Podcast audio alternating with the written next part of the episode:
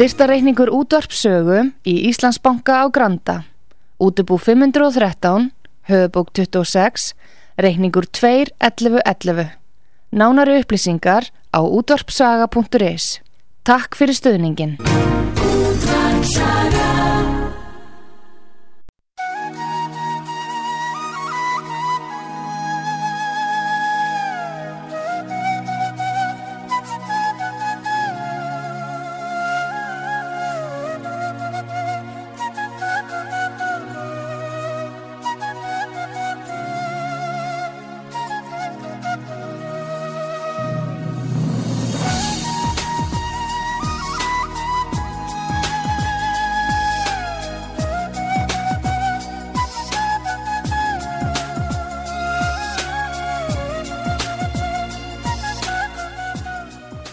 Komið þér sæl, eh, Artrúðu Kallstóttir heilstar ykkur hér eh, heimsmálinn á útvarpi sögu framundan og ég er komin í beint samband við eh, Moskvu.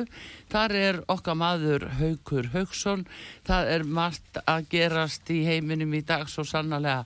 Sæl og blessaður Haugur. Já, kontur sæl Artrúður. Haugur, ég var að segja að það er margt að gerast svo sannlega að við ætlum að koma víða við og svona aðeins átt okkur á uh, þessari stöðu sem er í heiminum í dag svo langt sem að við getum og eigum möguleika á að sjá það. En uh, ég ætla að byrja á að tala um við þessa heimsókn frá uh, bandaríska fjölmilamanninum Tökker Karlsson og uh, það er nú vakið aðtigli þetta að tekja tíma viðtal sem hann átti við Vladimir Putin Eh, hvernig eh, eru menn að taka þessu viðtali og já, hvað segir okkur fyrst um það? Já, þetta var mjög merkilegt viðtala að mínu mati og uh, áhugavert vissulega í marga staði og alla staði. Nú Tökker uh, sem að var, er líklega einnig vinstaristi bladamæður og fjölmjölamæður uh, bandarækjana af sínum kollegum eða kollegum innan gæslappa þá er hann kallaður eh, já, dúka og ekki, hann sé ekki journalist eða, eða journalist eða, fjölmjölamæður eða bladamæður og Hillary Clinton fór hinn um vestu orðum, orðum um, um hann. Núna eftir viðtali En að margra mati, svona hlutlausari aðeila þá er tökkur góður bladamæður vegna þess að hann fer og talar við mannin án þess að þegar aðri bladamænir raunni eru bara endur spekluna skildi fyrir rauturinn og þá er ég að tala um kannski ágæta íslenska félaga og í meginströmi Íslands. En það eru hins vegar undventakningar á uh, því og uh, menn reyna að sína báðar og allar hliðar mála sem að út að saga á mikla uh, hérna, lofskilið og þú, Artúður minn, ekki síst. Mikil vinna hjá ykkur og, og annað og álag. En Tökkar var búin að reyna að fá þetta viðtali eitt, heilt ár og Dimitri Peskov sem er uh, hann er jæta allsmaður Pútins og uh, pressufulltrúi og fleira. Ha, þeir höfðu neita á hann um, um þetta en Tökkar er fylginn sjálfum sér greinilega og fór fram á þetta og skrifaði þarna skjátur og e-maila og annað greinilega til þeirra. Og þeir lögðust aftur yfir þetta mál og með Pútin sjálfum.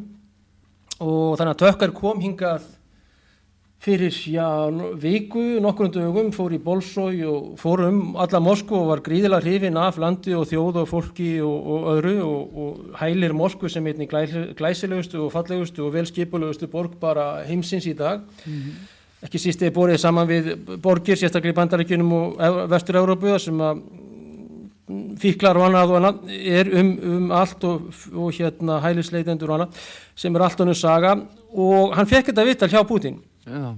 Nú hann kemur hingað og þeir setjast niður og tala saman, það eru hinnur á þessi miðlar sem, sem eru þá á, á mainströmslínunni sem hafa reynda að fá Putin og hann hefur gefið sér vittul við til eh, já, BBC, Deutsche, Deutsche Welle, AP, Agence France Press, sagt, CNN jafnvel og annara, mm -hmm. en er hættur því núna á síðustu, já, 2, 3, 4, 5 ár, eitthvað svolítið, kannski 3, 4 ár. Það er út af því að þessi miðlar þeir klippa hans viðtöl sundur og saman og uh, snúa jafnvel út úr sem að er mjög á móti Putin eða honum ekki að skapi eins og sagtir en þetta var tveggja tíma viðtal óklift hjá, hjá tökkari. Hvað, hvað svona í stórum dráttum haugur fór þeim í milli? Það er nú samt eh, svona, það er nú eitthvað búið að segja frá því en, en ekki samt þó kannski nógu ítalega eins og hefði mátt koma fram? Algjörlega, algjörlega. Og ég held að þetta sé og menn teljaði almennt að þetta sé sögulegt viðtal og sé og fari í sögubækurnar og, og já, mainstream, já, það hefur fengið mikla sagt, umfjöllun og X-ið eða X uh, er fyrirhandi Twitter sem að, sem að sem betur fyrir núna á hlutlausn ángi sem að heiti Elon Musk. Já hann lofaði að, að eh, rítskoða ekkert að viðtalið að banna það Feits, mm. það er maður sem heitir eh, Mark Zuckerberg sem að bannar þetta viðtal eða sem enn spyrta myndir eða reyna að koma að viðtalinu á Facebook Já. þá skilst mér að, að það sé þurkað út og eða jafnvel myndir af tökkur með Putin Já. þannig að Zuckerberg er greinlega undir einhverjum járnhælum Já, en það hafa hort rúmlega 200 miljónir á, á X-inu svipað á YouTube og viðtalir ennþá á YouTube bæði með rúsneskum uh, uppáflegum texta og svo með já, nokkuð vandari þýðingu þá já, manna Putins líklega kremlar, mm. kremlar starfsmanna sem að þýða þetta syngró yfir á einsku þannig að það talað um já, tæplega miljardur 800.000 miljónir hafi hort á þetta viðtal um allan heim og, og það er mikill áhuga á þessu og, og uh, menn gerðu það síndu þessu viðtali strax mikið áhuga en mainströymur og elita, ákveðin elita vesturlanda reyndi fyrst að hunsa þetta viðtal og gera sem minnst úr því. En þegar að uh, það ágæta fólk uh, sá hversu, já, það gati ekki stjórna rýtskoðuninni lengur já þá byrjuði menn að tala um þetta viðtal og lýsa því og ég reyndu að setja tökkar í þessar stellingar sem ég sagði fyrr að hann væri einhver svona pútulhundur eða kjöldurakki eins og Hillary segir, um, segir hreinlega um, um tökkar ja. áður en að viðtali kom, kom fram en í, að mínum að margra kannski viti bor, þeirra sem að vita djúft og þetta mál og hafa já, 360 kulu segja gráðu panorama eða yfir, eh, víðari vísin, víðari, meiri vísin en 18 gráður, 20 ja. gráður, mér að 90 gráður er, er hornið. Og mjög margir áðamenn ekki síst á Vesturlundum og einhverjir fjölumvelamenn hafa já, 20, 30, 40, 50 gráðu sín á Rúslandsmálin og mjög grunna. En Putin fyrir yfir söguna. Nú þetta var tveggja tíma eins og ég sagði ef ég maður rétt mm -hmm. að það var tveggja tíma bara óklift og 35 fyrstu mínúndunum og ég bara, ég held að, menn, ég held að Bjarni Benediktsson og Katrín og, og framsöknarfóringin, fólk ætti og þyrti, fólk sem er að gera þessi breyti útalegismálum, það væri, ég vissum að, ég veit ekki hvort það er hlusta á þetta vitil, en það væri í rauninni skildu hlust á þetta vital á málsmyrðandi aður. Já, en þetta er náttúrulega... Fyrir sem sett yfir á söguna fyrst, spyran tökkar, þetta tók sjó í listirjóðni intervjú. Já þetta er rúsneska og þýðir er þetta hvað spjallsýning eða talkshow á ennsku, mm, er þetta svona eh, létt popviðtal eða er þetta alvarlegt uh, viðtal við mig? Og, tök, og hann sagði það að Tökker hefði verið í lært uh, sögu í háskóla. Hann hefur greinlega stúdur að Tökker Tökker hefur líka gert það. Svo kom það líka fram hjá Putin að Tökker hefði sótt, eða reynd að komast inn hjá CIA en, en ekki gengið eða ekki fengið þar frama kom setna fram, hann hefur stútað hans autobiograf, eða bíó, hérna æfisögu. Já, já, áður en hann hleypur að segja strax, þetta er alvarlegt mjög alvarlegt viðtal við yður herra fórseti. Uh, þá segist Putin alltaf að vilja fara í sögu atriði, hann segir 30 sekundur sem að urðu 35 mínútur uh, sem satt í hans tali og fer í rauninni yfir þetta svæði, keisara allt frá 800 62 þegar að skandinaviskar Rúrik fjölskyldan og vikingar og væringar koma til Gardaríkis nú Kíf eh, kristni tekin 988 í kænugarði síðan fyrir nær miðöldum þegar að pólverjar og litáar sem voru mikil rittaraveldir í eðu á þessu svæði. Og hvernig pólverjar já, reyndu að gera alla að ukrænumannum, eða pólverum mm. fyrir ekki og mm. að pólver, pólska er þarna málið og, og hérna katholska tekinu upp síðan er Bogdan Khmelnytski sem er, já, hann var nú allavega og er kannski ennþá hjá mörgum allavega þjóðþjáttja ukrænumanna, hann skrifar bref sem að Putin lætur eh, og það eru 1600 segjum á já, 16. 17. öld uh, Pútin er með þetta mikla möppu sem hann lætu tökkar fá sem eru greinlega ljósið af þessum brefum og já maðurinn má eiga það hann er, hann er búin að undirbúa sig mjög vel undir þetta viðtal og þetta er þykk og mikil pappa bundin saman með svona reym Já. með slaufu og byður tökkan að stúdera þetta að sjálfsögðu ekki á staðnum en, en fer síðan yfir þetta sögu og, og yfir í fyrrastríð, yfir í byltingu sem er upp úr fyrrastríði 1917 hér í Rúslandi og fyrrastríði náttúrulega frá 1914 til 1918 og hvernig eh, Vesturlönd, eh, þar að segja sjálfsögðu fólk í Vín og Budapest í fyrstu, svo eru prússar, þar að segja Austuríki Ungverland og svo þjóðverjar og svo í Berlín, eru að reyna að taka þetta svæðar, segja Vestur-Ukrænu, sem að vissulega Stalin gaf Ukrænu frá Pólverjan- Pólandi 1945 í, í alltaf samningunum, Krúsni hérna og náttúrulega þetta voru Churchill og, og Roosevelt í því dæmi. En, en, en uh, að sem sagt upp úr byltingu þá er stopnað sósialistist ukrainsk liðveldi og nationalistar eru þarna í einhverjum uh, sem sagt fjölda og allt þetta. En Lenin síðan stopnar uh, USSR, Ukrainska Sovjetska Socialistiska Republika Ukraínu Sovjetliveldi 1922 og þeir fá góðar gjafir frá Khrushchev 54 Nikitu Khrushchev Uh, frá Lenin fyrir byltingu og svo frá Stalin eftir Jöldu uh, sem sagt 45 þannig að Úkræna sem menn tala um í dag og það sem er kent í skólum að, að Homo sapiens og Jésús Kristus Kristus, eh, Kristur já, séu upphafindir frá Úkræna eru fáránlegar sögurskenningar frá bókum sem að George nokkur Soros gefur út og eru prentaðar jafnvel hjá honum.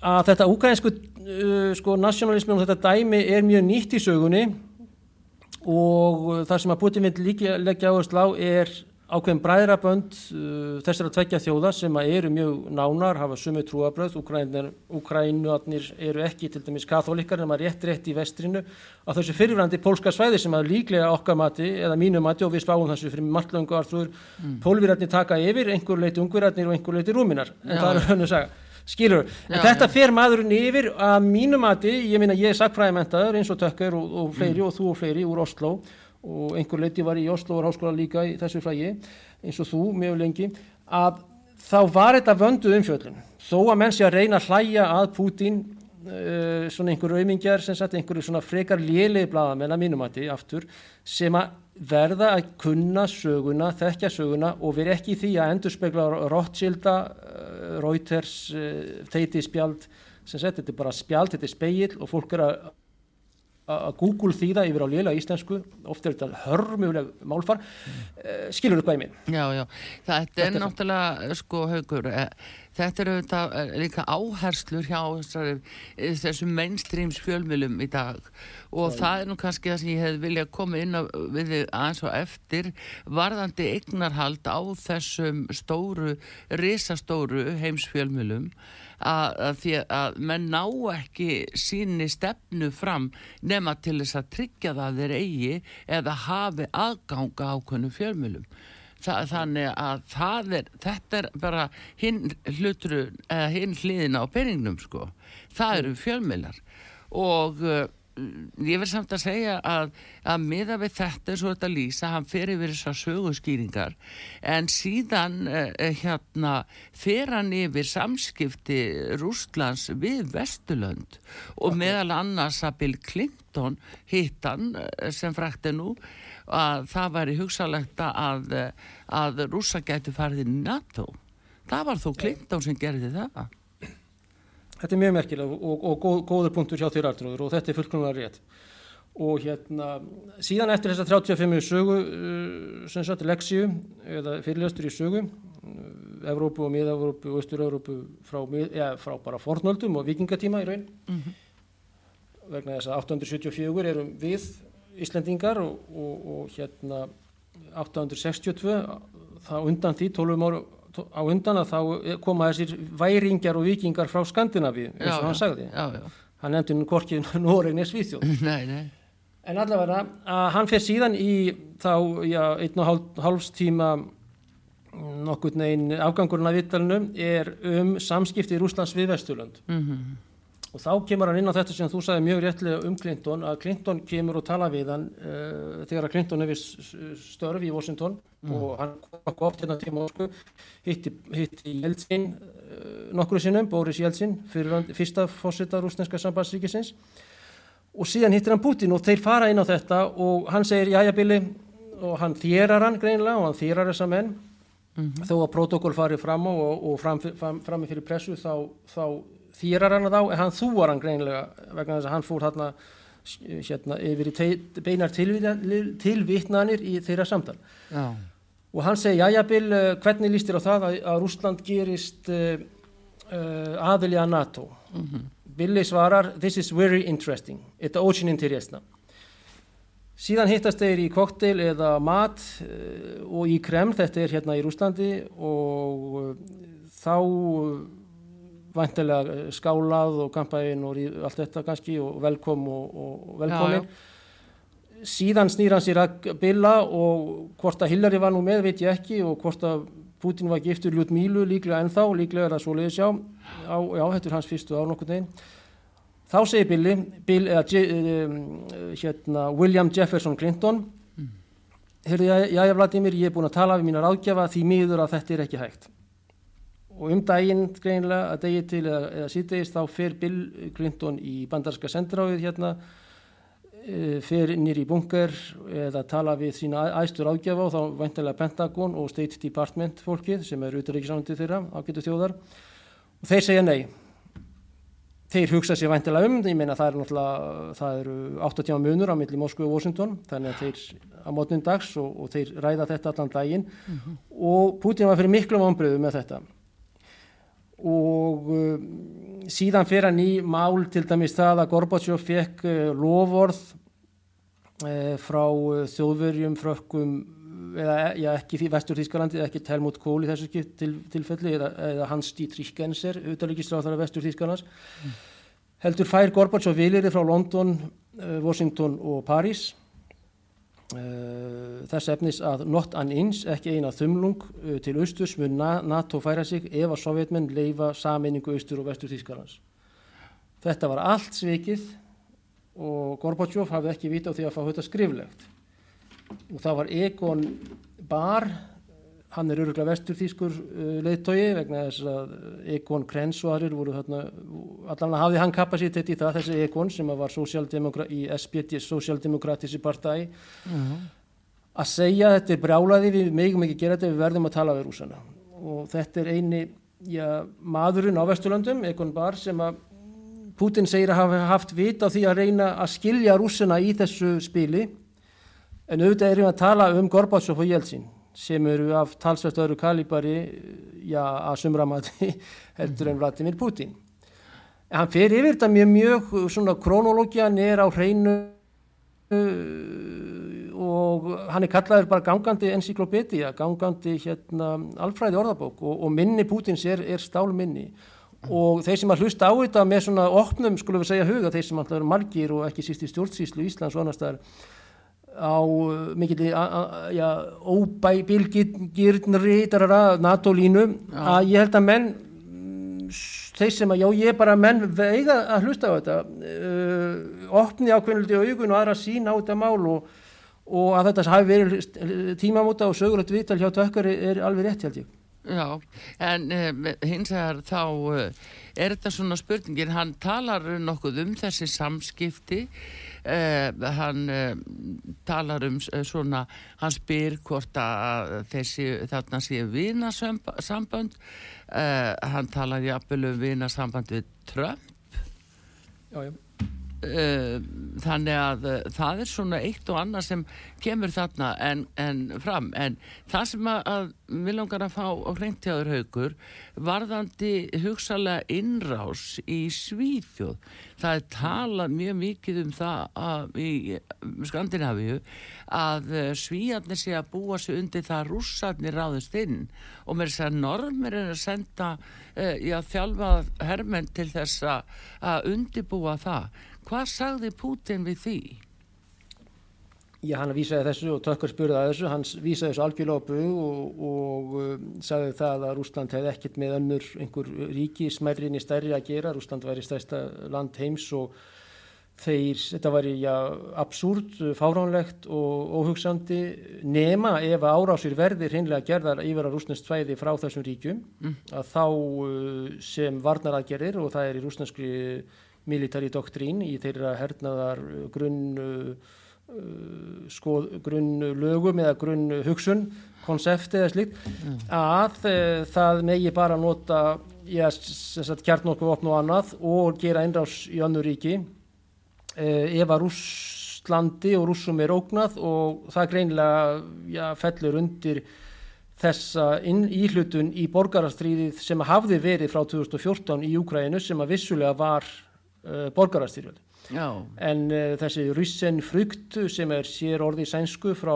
já, Karli Tólta sem að Pétur Mikli sendir til sína heimkina 1709 í Poltava já. sem að núna er sem er keisarasvæði í rauninni frá og er núna, já, samband, er, er núna innan ukrainska landamærarna að svíjar eru greinlega vilja leggja áherslu á það að þeir þurfi þá aðstóð og peninga styrki kannski og fleira og, og uh, Kristensson og hans stjórnvöld vilja kannski þjappa svíjum saman í kringum þessa russen frugt rússarhæslu eða rússagrílu. Við höfum kannski annað orð af öðrum meiði hvað var þetta, fenó, þetta til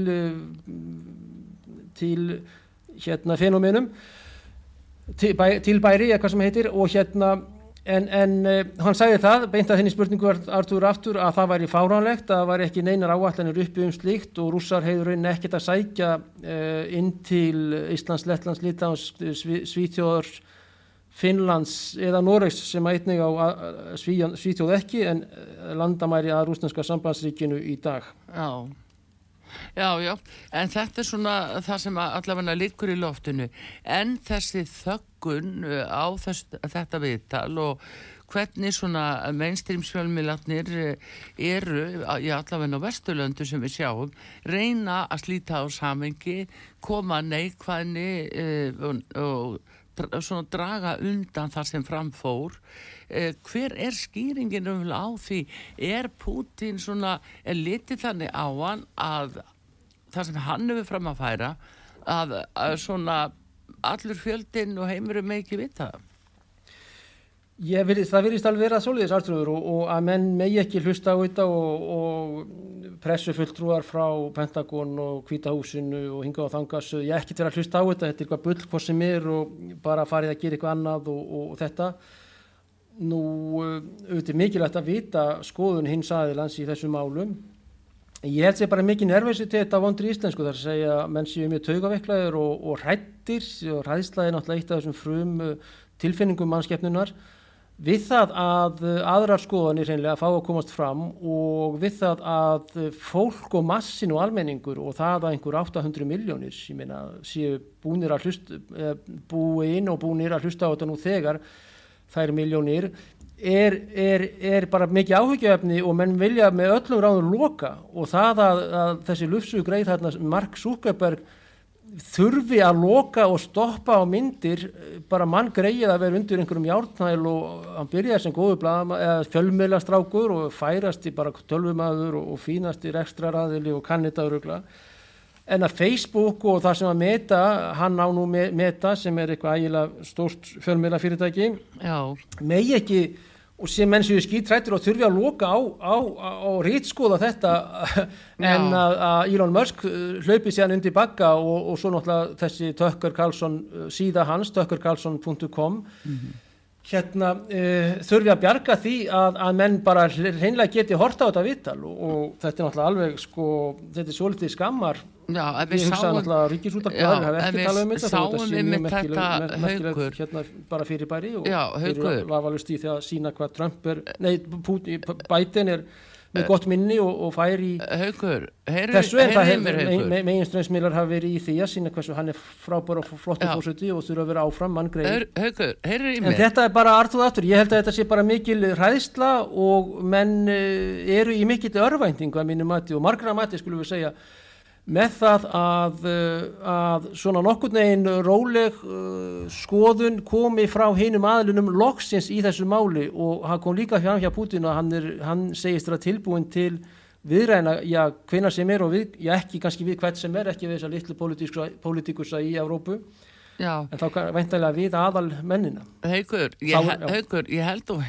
og heyrin hefði ekki alveg í mér, ég ætla aðeins að, að, að, grípa boltan á lofti þarna, að okay, þegar þú ert að tala um eh, eins og já, Tökker Karlsson þá er það aðtílisvert, hann var náttúrulega alltaf á Fox-stöðuna að vinsalsti eh, sjómasmaða bandaríkjana inn á Fox svo mm. þegar Livjarisar keftu sér inn í Fox og þannig eru kona eignarhaldinu. Þá var hann látin fara. Og vegna þess að hann uh, þótti sko óaskilegur því að það var ekki hægt að stýra honum. Og ekki hægt að uh, sko kaupa hann. Síðan sjáum við það til dæmis hér á Íslandi að við nú erum við að deila til dæmis frettum frá okkur á já, meta á Facebook. Og mm -hmm. já, á Facebook og hérna þá erum við, við höfum verið með formið stjórnmálaflokkana hér eh, lengi vel hvern og fætur öðrum og alltaf geta deiltum en þegar að skindilega koma Bjarnabendis inni núna þeirra bara á förstu daginn síðasta þá er alveg loka, þá getum við ekki eh, við þurfum að sína vegabref ef við ætlum að bera ábráði sem að segir. Þannig að þannig er bara blasir við okkur alveg ný veröld hvernig þöggunin er að verða og rittstýringin er að verða alveg rosalega alvarleg.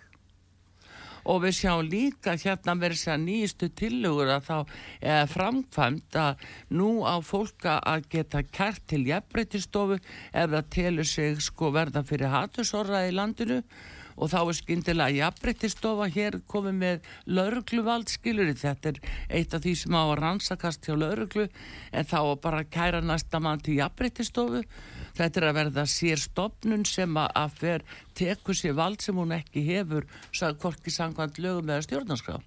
Svo að það, þetta er alveg gríðarlega alvarlegt hvernig verða þakka niður í starfandi til dæmis eh, blada og fréttamönnum og, og bara öllum þeim sem tjá sig Já, já, þetta er greinilega það sem skal að, að hérna, það megi engin já, hafa sínar eigin skoðanir þannig að þetta er bara nákvæmlega saman var í Sovjetríkjunum, Östur Þískarandi, Tjekkoslovaki og, og víðar hérna, sem að menn gaggrindu mjög en það sem er að gerast núna á Íslandi er þetta og, og við höfum þarna jafnbreytistofnun, einhver ægilega mikla og flotta stofnun á fleiri hæðum með sér ekki týra hundru starfsmanna sem að vinna þarna og ég meina þú veist og nú, núna eru þeir að fara að taka fyrir hatursumræði hatursumræði ég, meina, ég ætla að stopna hérna hjólriðavestað með bræðurum mínum. Þá hérna áður fyrir var jafnreittstofa í því að þarna er það að vera í stjórninni e, sem sagt 50-50 e, jafnvægi konur og kallar eitthvað svona, þú veist. Já, þetta er að verða er fá, en nú er þeir komin í svona í, í hérna Já. refsi fyrir haturs þar sem að þeir, þeir mönu skilgreina skilur og sjálfsög sér í hag og eilítunar Nei, það er einmitt það sem ég er að meina nefnilega með takkar að það er svona á mörgum þess að þetta verði flokkað undir það að þetta sé hatursvital og orðræða gagvart uh, þessum, uh, já þessari elítu, þessum hérna, þessum þeim sem sækjast eftir þessum heims yfiráðum Þa, það er bara já, spurningin af því að nú er ekki sama við hvernig talað, hverjir fá að koma fram, hverjir fá þetta svo kallaða dagskrárvald, það þarf að taka þá helst úr umferð. Og þá er gripin til svona ráða, þetta er, er rosalega sláandi það sem er að gerast. Og ég sé það líka haugur að það er frett sem að við vorum með í á árinu 2021 og uh, þá erum við að tala saman um það að þá var á ræðumar og Davos í Davos samkominni mm. og eiginlega þegar hann síðan yfirgaf Davos uh, hérna hundin að þá segir hann nei, ég ætla ekki og Rúsland ætlar ekki að taka þátt í tímið ykkur að eidilegja heimsbyðina Já, já. Nú er þetta, þetta allt í hennu, nú maður farin að sjá betur hvaða merkingu þessi orð höfðu og hvað hann sko hvað hann hefur sett gríðala ofan í þessa heimsmafju ef svo maður til segja það að, að þarna hafa séðir hefðu hann ekki með sér. Hann var ekki tilbúin að ganga inn í þetta prógram og en við aftur á móti sem að tengjumstu og beint og óbeint eða búið að draga Ísland inn í þetta og við sjáum bara síðustu tilögu núna eh, samkvæmt þjóðlendu umræðunni að þá allar allt í ríkja að taka allar eigur hér á Íslandi tröstataki, það eru gríðarlega verðmætti jafnvel í landgrunni og maður veit ekkert hvort það er búið að veðsetja eða standi til að veðsetja þetta. Hver er að fara að kaupa hver er að fara að stýra þessu skiluru þetta er mjög ónótalegt Já, já, elitan er í, er í, hún er í desperasjón, hún er sætt núna og það sem er að gerast og er ekkert að ganga upp að mjög miklu leita sem var planið og agenda 2030 og allt þetta. Og elitan er alveg klárlega að hún mun nota þetta hatusordræðu hérna, reglutgerða dæmi núna. Og þeir sem eru agenda kontribútorar, þeir ágætu íslendingar hjá eh, Klása Svab Klausisvab uh, og World Economic Forum, þeir munum ganga á fullu fram í þessu, þá erum við að ræðum toppmennina núna, núna í íslenskri pólitík. Þeir munum væntalega að segja þetta sé haturs orðraða hjá Pútín að tala um nínasistana í Ukrænu, að tala um hvernig það hefur verið hérna, fætt undir teppinu allt frá setna stríði, hvernig þeir fóru til Paraguay, Kanada, Bandarækjana og, og síðan tilbaka aftur og annað Vandalega verður það hatursætra og þá gegn Adolf Hitler. Ég meina að þú veist, já, já, er já. En það er haugur án, við fáum auðlýsingar, ég ætla að minnast á, fyrst þú talar um uh, hérna þetta triði, að uh, núna hérna er það nefnilega komið ljós að nýri í hvað Dóneska en í Mariupól að uh, þar hafi rúsa komist yfir heilu rannsóknastofunar þar sem að Bygg Pharma var með tilrunnu og fólki og geðvekrahæli og plögg mm. og sannanir í heilu herbygjónum sem að þeir voru að gera tilrunir, livja tilrunir á, á saklusum uh, ukrainskum borgar, hérna borgunum. Já, þetta er alveg rétt að, að í Marjúpól sem að er stór borg þarna, ég kom með það nokkuð oft núna, við Azovhaf, svo gríðarlegi bardagar hérna í katakompum Azovstal sem var og er nú reynda rústur einar núna en gríðarlegt stáluðu verið einn af þessum sovjasku gíkondum mm. að í þessari borga þá fengu eh, sem sagt Pfizer, AstraZeneca Sanofi, Glaxon þarna og, og fleiri og svíjar einhverjir, sem sagt bara hreinlega frít spil með því að vera á gæðvikrahæli og öðrum stofnunum. Og með tilraunir á fólki og heilu plöggin og sem sagt um, listarnir. Mm -hmm og svo er, er graf þarna eða dálkur sem heitir eh, aldur, nú, aldur núverandi sjúklings. Þá er allt nýri í 0 sem sagt aldurinn. Þannig að það, það, það, það er þá börn frá 0 til 12 eh, mánadam sem við mér að ræða. Og svo náttúrulega upp í ja, 80 ára og 70 ára. En mest er þetta ungt fólk svona á aldrinum 15-17 niður í 0 eins og ég segi og, og 30-20 og þarna er verið að spröyta í fólk uh, af þessum bygg farma mafíu sem sett ef að sumir með að segja svo um þetta Pfizer, AstraZeneca, Glaxon og Sanofi Já. og án algjörarkontróls, án uh, algjörarmannréttinda og eitt af því sem að vera að kanna hvernig þetta fólk myndi degja eða hvernig það myndi bregðast við við um, ákveðnum um, provokatorum sem sett í livjum uh, og fleira mm. og því miður þá minnir þetta hjá þessari vestrætnu bandarísk eh, vestur-eurósku ekki austur heldur vestur-eurósku fyrst og fremst elitu, frakkar, svíjar breytar og bandarækjaman mm -hmm. nokkuð á mann sem að kallaði sig doktor Józef Mengele sem að var engill döðans og ég held að hann hafi verið ásvið spyrkun á Já. Þetta er mjög skjálfilegt og, og rússar greinlega hafa rannsakað þetta vel vegna þess að þeir eru að koma með þessa fréttir núna mm. en það eru myndir af þessu og að sjálfsögðu tökum eiginströmspressan ekkert við þessu og þetta er mjög dæmigert líka fyrir það sem að Hunter Biden eh, hátvirtur eh, sonur var að gera með metabiota sem að hann var í miklum tengslum við Pentagon. Það hefur ekki verið bent á Pentagon eða bandaríska varnamararundið í þessu ennþá, þeir hafa þá ekki, ekki kafa nót júft í þessi plögg en það er hérna livjaglös og, og, og þessi mjóu livjaglös með blóði í og, og plögg á ennsku, rúsnesku og öðrum málum sérstaklega, ukrainsku eitthvað, það er mest rúsneskaði vinnumálið og ennska og nöfna alls konar, alls konar á yfirleiknum myndir sagt, uh, skilriki inn á staði, út á staði að mann komast á innum security, öryggiskeslu inn á staði og, og, á, á, og RT hefur komið þetta, RT.com núna Já. er, er En hafa þeir, hafa þeir séð sko, hafa þeir séð haukur frá hvaða tíma þetta er ef þetta eru livjatilrunir uh, frá hvaða tíma er þetta?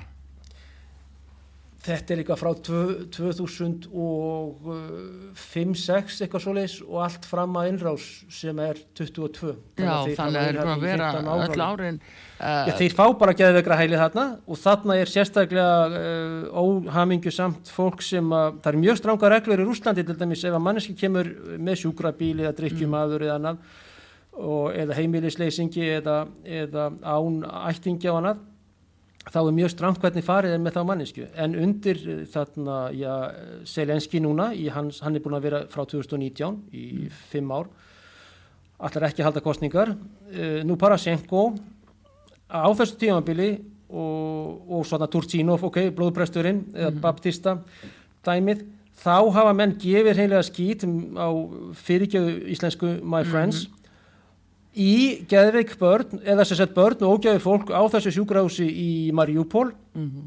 Og selt hreinlega aðgang uh, Pfizer, AstraZeneca og þessara kalla til þessara fólks til þess að gera hérna, tilrunir á þeim.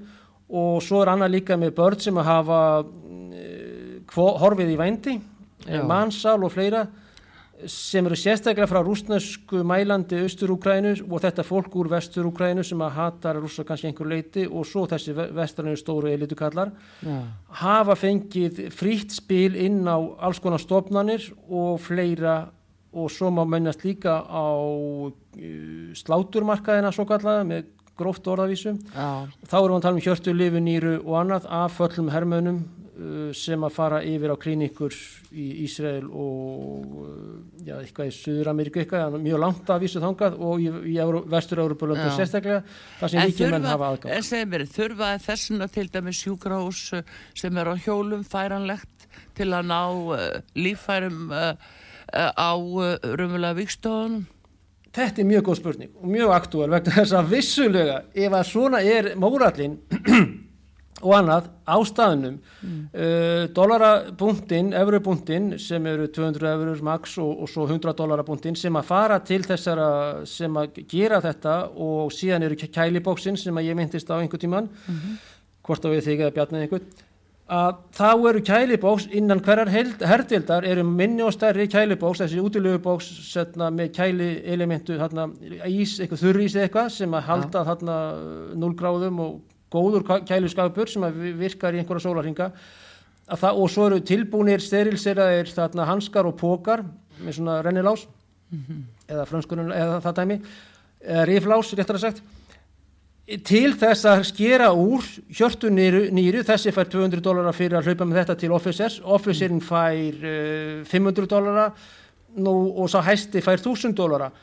klínikan selur þetta á 5000 dólara ný hjörtu lífur og þetta er sama og albanarnir voru, albanarnir voru að gera í, uh, í svo. Já, þannig, þannig að þessi spurning og þar sem að Ísland var að senda þetta niður yfir að því miður og ég hafði ekki hugsað þetta áður en mjög góð, góð og aktúal spurning er að einhver leiti alveg öruglega notað í þennan viðbjóð já allavega gáum ég meina engin undaktekningar á reglum í svona þegar að svona er komið á. Við borguðum eftir sem að okkur var sagt eh, 1200 miljardar uh, Já. já. já, nei fyrir Já, já, ekki 1,2 Einn- miljardar 1200 miljónir Já, já, fyrir ekki, mann og orð svo ringlar í þessu nullum en, hérna, en allavega eh, fyrir til í þetta sjúkráð sem var á hjólum og maður hafði ekki, kannski heyrt mikið um það áður en, en Akkurat. einhver er skýringin en það eru svona haugur núna erum við að fara að fá auðlýsingar en ég ætla Mhm. aðeins að, að segja við þig að eru það ekki fjárfestingasjóði sem að eiga þetta dæmi eins og þessar rannsóknar stofur uh, þetta bygg farma og er þetta ekki fjár, fjárfestingasjóður sem eiga þetta? Jú, jú, þarna eru fjárfestingasjóðir ótrúlega býræfnir ungi menn á, og eldri og konur og allt og svartir og gulir og annan. Á hérna Wall Street sem að stjórna sjóðum eins og Vanguard og BlackRock og öðrum sem að hafa þegar fjárfest í Úkræninu. Já, Þeir hafa fjárfest í Úkrænustriðinu nú og mikil vinkona hans, fyrirhandi okkar, Gulla og Já. hennar skagastúlku frá Þórdísar Kolbúnar Reykjörð Gilva dóttur Já, hétt og heitir Viktoria Núland að mínum að þetta er skjálfileg kona. Uh, hún var nokkuð uh, tíður gestur í Reykjavík og Rauðurástegnum hún segir we invested 5 billion dollars in the Ukrainian project. Við höfum þegar fjárfest 5 miljardar uh, bandarækjadala í Ukraine project í Ukraínu verkefnið. Já, Nú síðan koma menn þarna eins og frá þrjú BlackRock og, og þeir náttúrulega eru með, þetta eru verktakar sem að hafa engaheri líka. uh, á sínum eða, eða enga jáheri sem er þá í alkunum verkefnum. En til dæmis að jörðin þarna í Úkræðinu sem að með svartmoldina, Tjörnaðjóm að hún hefur verið seld til manna eins og til dæmis hérna Monsanto sem að núna er búið að gleipa í sig Bayer. Já, Bayer var og er, eða þýst stórfyrirtæki í efnaðina og þeir eiga núna uh, meiri hluta jarðar Úkræðinu sem er undir stjórn Úkræðinu stjórnvalda núna. Austamein hafa þeir eng, eh, hvað heitir þetta, nationaliserað, þar að segja hafa þeir aftur á tilbaka þjóðnýtt þetta, þar að segja eins og var undir kommunismanum, eða þjóður, eða ríkið á þetta skulum við segja. En hérna, þannig að þetta er mjög góð spurning og, og þarna eru menn afar um, svarta samvisku oft og já, minnum að þetta er samvisku lausir að gera svona gagvat konum, börnum, geðveikum sem sagt og annað. Já, já, þetta er og, bara og sýnir þetta er mjög ógeðfælt. Já, heyrðu, Haugur, í heimsmálarum í dag, Haugur Haugsson í Mosku, Artrúðu Karlsdóttir hér á uh, útarpi sögu, við ætlum að fá auðlýsingar og komum aftur, við erum eftir að ræða bandamótmæli sem eru orðin mjög alvarleg um alla Evrópum nánast og uh, síðan er ummæli Donald Trump og fleira.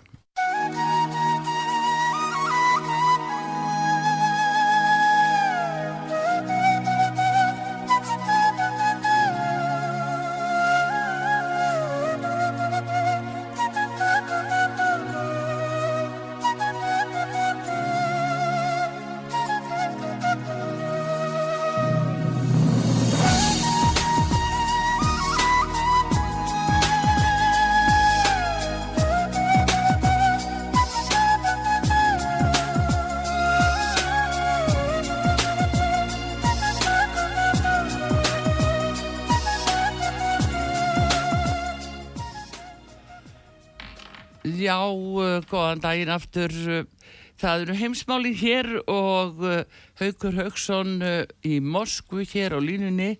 Við uh, höfum nú komið aðeins já, við í Úkrænu hérna Haukur en það er líka að tala um það að, að Selenski hafi látið fara frá sér já, aðstamann hersins og nú sé herin að gera uppreist út af því. Hefur einhverja nýja fréttir af þessu? Já, það er Valeri Fjodorovits Salúsni var yfirmaður herins, her, eða höfumæður og yfir hersöðingi hjá ukrainska hernum sem að núna hefur verið uh, hérna, látin fara, látin Já. taka póka sinn eins og sagt er, og menn hafði nú búist við þessu vegna þess að Salúsni er mjög vinsæll hjá uh, innan hersins og uh, við tekur Alexander Sirski Sirski er rússi, Salúsni er það einhverju leiti líka en Si- Sirski er frá Vladimir hér aðeins, hérna, austur af Moskva aðeins já og er hreitn rússi í alla, alla staði og tala náttúrulega miklu betur rúsnesku, heitir nú ukrainsku og menn sumir telja hann, já, föðurlandsvíkara eða eitthvað svoleiðist þar sem hann mm, segist hafa glengt málinu og talar einungis ukrainsku ofinbörða þó hann gerir annað heimi á sér væntalega. Sirski þessi er kallaður, já, böðullin eða slátrarinn eða eitthvað slíkt þar sem hann, um, það er sagt að hann beri litla verðingu fyrir óbreyttum og líf þeirra skipti hann litlu máli og hann hefur tekið þáttu ýmsum orustum en nú ekki síst á meðan að Evgeni Prigozhin l- var lifandi sem að stjórnaði Wagner hópunum sem að mega muna sinn fífilfegri að þá var Sirski í því dæmi. Uh, nú uh, Prigozhin er allur að flestra mati. En, en hérna það er hugsanlega það, það, það var einhver tíman sagt að uh, Salúsni ætti að verða um, sendiherra í London þar sé að pólitísk útlegð og að Vladimir Zelenski sé hrættur við vins, þessar vinsældir Salúsnís og sé raun að losna við hann tímanlega til þess að ekki, já, til að losna við keppunaut en líka eins og þú segir mjög réttilega artrúður þá er talað um það að uh, það gæti orðið uh, hunda, reynleg hunda þar að segja herfóringjastjórn ef að sumir segjast hafa eitthvað fyrir sér í því að Salúsni muni steipa Selenski sem að nokkuð léttilegt verkefni mm -hmm. ekki síst fyrir valir í Salúsni Já, já, ef að, ef að það reyndi á það en það er aðalega herin það sé svo mikið uppnám innan hersins út af þessu auðvitað er það það, minna menn eru teknir úr bara strætisvögnum, lestum, byðurum, sundlögum, íþróttasölum, veitingastöðum og diskotekum, þá fara menn, það fara ákveðin gengi frá hernum um, sjá mann á aldurum 16, 15, kannski til 30 og hann er sjálfkrafa tekinn, hans plöggur er skoðuð, þeir hafa minga herskildvaldur nýri 16 ára til, mm. já, hvort er 16 og 60, eitthvað svo leiðis. Mm -hmm Þetta er ekki eins og Volkssturm Adolf Hitler í Berlin uh, april og mæ 45 þegar að Volkssturm stóð staman af smástrákum og öldungum en Volkssturm varði Berlin Já. með litlum árangli gagvart auðahernum þess að voru máliði 45 Hitler draf sig náttúrulega þarna í loka april stuttu eftir sitt amæli 20. april sem að það var og 30. draf hann sig eitthvað svo leiðis En, en, en eh, vissulega er herin og herrstjórnin og Selenski sjálfur og Salúsni kannski einhver leiti óveinsænir út af þessari mobilisasjón þar að segja herrkvæningu almennra manna. En hún er kalluð mogili, það heitir á rúsnesku, já, ukrainsku líka mobilizacija en þeir kalla þetta mogilizacija vegna þess að magila er gröf Já, en var það ekki, haugur, aðeins að skjóta það, var það ekki talið að tímabili hefði verið bara þjóðöfnis einsanir til dæmis ungir menna ungverskum uppruna sem veru mhm. búsettir aðna í Úkrænu. Þeir hefðu sérstaklega verið teknir og sendir á vývöldin og það sé meðal annars eh, andst, að, að sko, skýri anstöðu Viktors Urban við Úkrænu stuðning af því sem að þessir ungu menn ættaðir frá Ungverðarlandi hafi verið teknir í, í bara í mjög skipilegum hætti.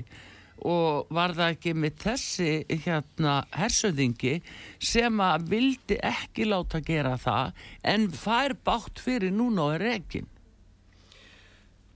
Jújú, það ég hef sagði mjög, mjög rétt og maður sé svona mannlega strengi hjá Salúsni og þarna í Úskorod og í, í Karpatafjöllum og austur Slovakíu og svo við rúmensku landamærinum líka upp í Karpata líka þá eru algjörlega, og Putin sagði þetta í þessu viðtali við tökkar, að það eru ukrainsk svæði sem að undir sovjetímum þá töluðu menn uh, rúsnesku sem vinnu tungumál, þar að segja við rúsa, ukrainmenn og aðra. En í þessum ungversku svæðum þá eru magiarar sem eru mjög íhaldsamir þannig að þetta eru katholikara mestu leiti og annað mm. í, með, í sínum þjóðbynningunum, langt hann upp í sveit og inn í, fjö, inn í sveit og upp í fjöllum sem að halda algjörlega í sína ungversku rætur tala og með þessa fallegu ungversku tónlist og, og rauðveinið tóka í hérna ef maður rétt, þannig mm. var nú ekki selt í ríkinu í mörg ár núna, tóka í Zamorótna eitthvað svo leiðis Egi Segedre er skála á ungversku en þessi magíarar e, þeim var, var tekið Arþrúður að þinni spurningu og, og sem þessi þjóðurnis minnir hlutar vestast í Úkrænu til þess að losna við ákveðinas uh, uh, stjórnaranstöðu og ekki síst rúsneska stjórnarnarstöðu gegn þessum nasjonalisma, gegn þessum óheilbriða ukrainska nasjonalisma, nazisma eða þjóðurðnistefnu og óheilbriði þjóðurðnistefnu í þessu tilfelli. Mína heilbriðu nasjonalismi er elska landsitt og, og hann vantar á Íslandi. Uh, en, en hérna uh, en hérna þetta er alveg rétt og þetta var gert gegn þessum ungverjum og magíurum og, og, og Selenski uh, geðingur eigin sögn og allt þetta var í svona verkefnum ásamt þessum sérsveitum, einhverjum eh, einsætsgrúpen líku við, mm -hmm. í því að handtaka þessu ungu menn og setja á því hérinn og svo sér engin neitt frá þeim meira sem að er klárt mála þessar ungversku mæður hérna vilja, myndu gjarnan vilja sjá rúsneska herrmenn, ég fyrir ekki að segja þetta bara beint út, það Já. er þannig og að, að Úkraina yrði ekki með titil þjóð ég meina, alltengi ístendingar 63 manneskjur pluss mm. fjörði mm -hmm. uh, Guðni T.H. Jóhannesson fara upp í algishús, klappa og klappa fyrir hérna uh, manni sem að gerir titil þjóð í einu landi.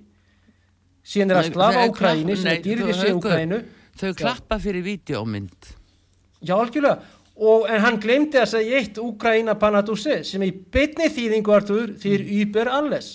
Úkræna Panaduse og, og þetta 64 einstaklingar og vafkið fólkarni eitthvað sem er að tala um að þegar rússar eru að taka börn sem satt yfir í eh, frá hermnámsvæðum að sé að ræna þeim mm. þeir gleyma, og það er líið í fyrsta lagi en síðan gleyma er því sem að byggfarma og, og, og vændisringir er að gera á Vesturlöndum. Þetta já, er svo ömuleg samkóma Já og nýta sér líka báa stöðu fólks eins og það lýsa áðan nýri Dónesku jafnvel og, og e, þannig að e, þetta er náttúrulega alveg rosalega alvarlegt. Ef verið að flettast svona ofan að því hvernig þessi jafnvel livjamafja vinnur.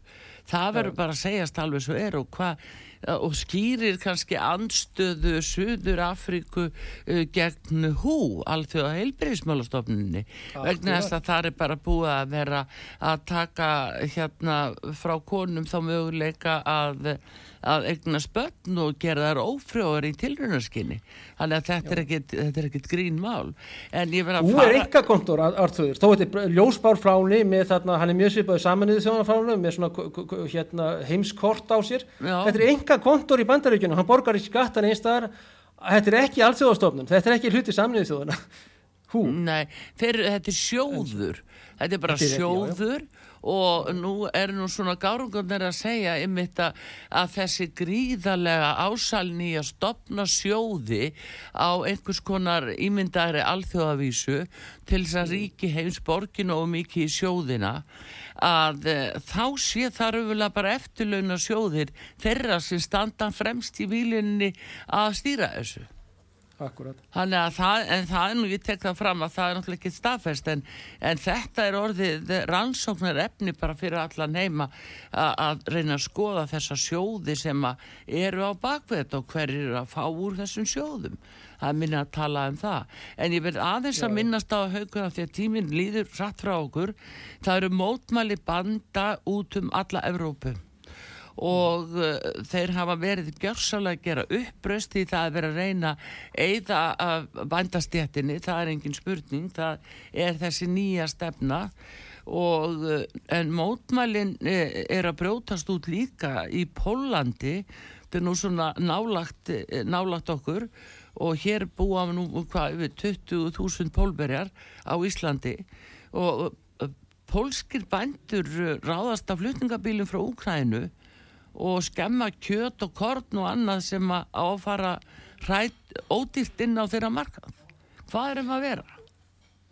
Já, já, þessar bændaðurfreysnir eru að ég hafa verið að breyðast út núna síðustu vikur í Þískarlandi, Fraklandi, Hollandi, Ítalíu og þeir fara inn í smiðborgirnar, París, Róm, Berlín, Bryssel og annar staðar og, og spröyta um, hegi og, og mikju jafnvel yfir já, þinghús og hús í miðborginni og, og lauruglumenn sem sagt er, það er reynd að láta stoppa þetta en þetta eru mikil og gríðarlega mótmæli og þau byrjaðu nú í Hollandi og annað Nú það eru sérsveitir sem far um og, og handtaka lit og þessara bænda en það virðast alltaf koma nýjir í staðin en þessur mjög lít, mikið lítil gerð skil hjá bændafjölmiðlum jafnvel og, mm. og reyndar er tíminn hættur fyrir margt löngu á Íslandi en, en vonandi eru menn hlindir bændum þarna hjá ríkisúttorpi eða öðrum ágættistofnunum og, og þetta er að breyðast um út, út, eins og þú segir Artrúður úr sér og nú er það komið til Pólans og Já. pólskir bændur eru í slagsmálum við ukrainska flutningabilstjóra, það eru hellingur að myndböndum af þessu Já. og þeir koma og hella niður kortni, mjölk,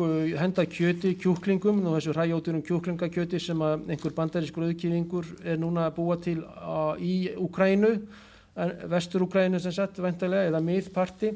Og sendir til Íslands líka og Íslandska alþengi lætur já, eitthvað með hormónum, styrum það verist e ekkert e, kontról vera á þessu. Og þessi viðbjóður er líka að fara inn á hérna pólvansmarkað og pólvarjar hafa greinlega beininefinu og bændur eru sterkir þar.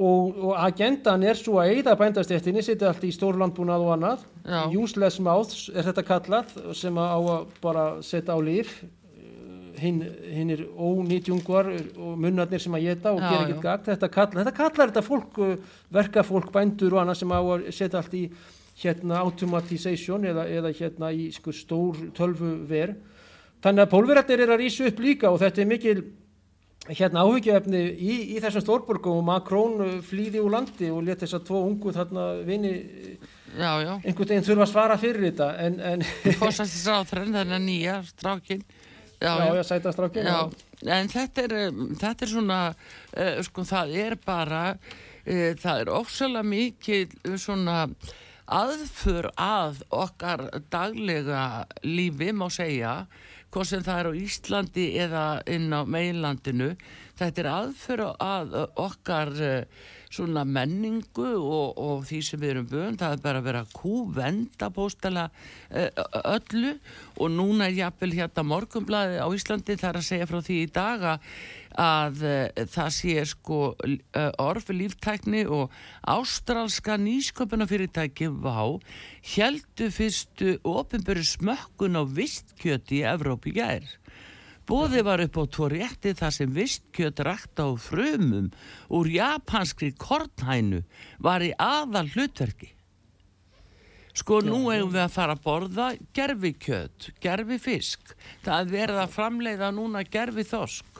Þannig að þetta er bara ný stefna sem er að yfirtaka allt og alla svo er gert út á fjölmila sem að þeia á réttum stöðum en eh, flytja jafnvel rángar fréttir til að þóknast eigandu sínum. akkurat Þetta er byrtingamyndin sem- eins og hún er að byrtast okkur í dag. Já, já, Rothschildjarnir, þeir vilja að við byrjum bara að borða og geta og annað orma og kakkalakka og, og, og þetta sé allt hérna eitthvað gerfi, hérna prótein gert úr einhverjum gríðarlegum pottum þar sem að ónýttu kjötu er hent honi og eftir viku er orðið miljón kakkalakkar, þeir eru síðan Já. allt þarna heitu vatni yfir, þetta er síðan mulið og svo þurfum við að geta þetta eða borða þetta fyrir geðu orðalæg, Og, og hérna borða er náttúrulega tengt orðinu borð, að Já. borða við borð. já, já.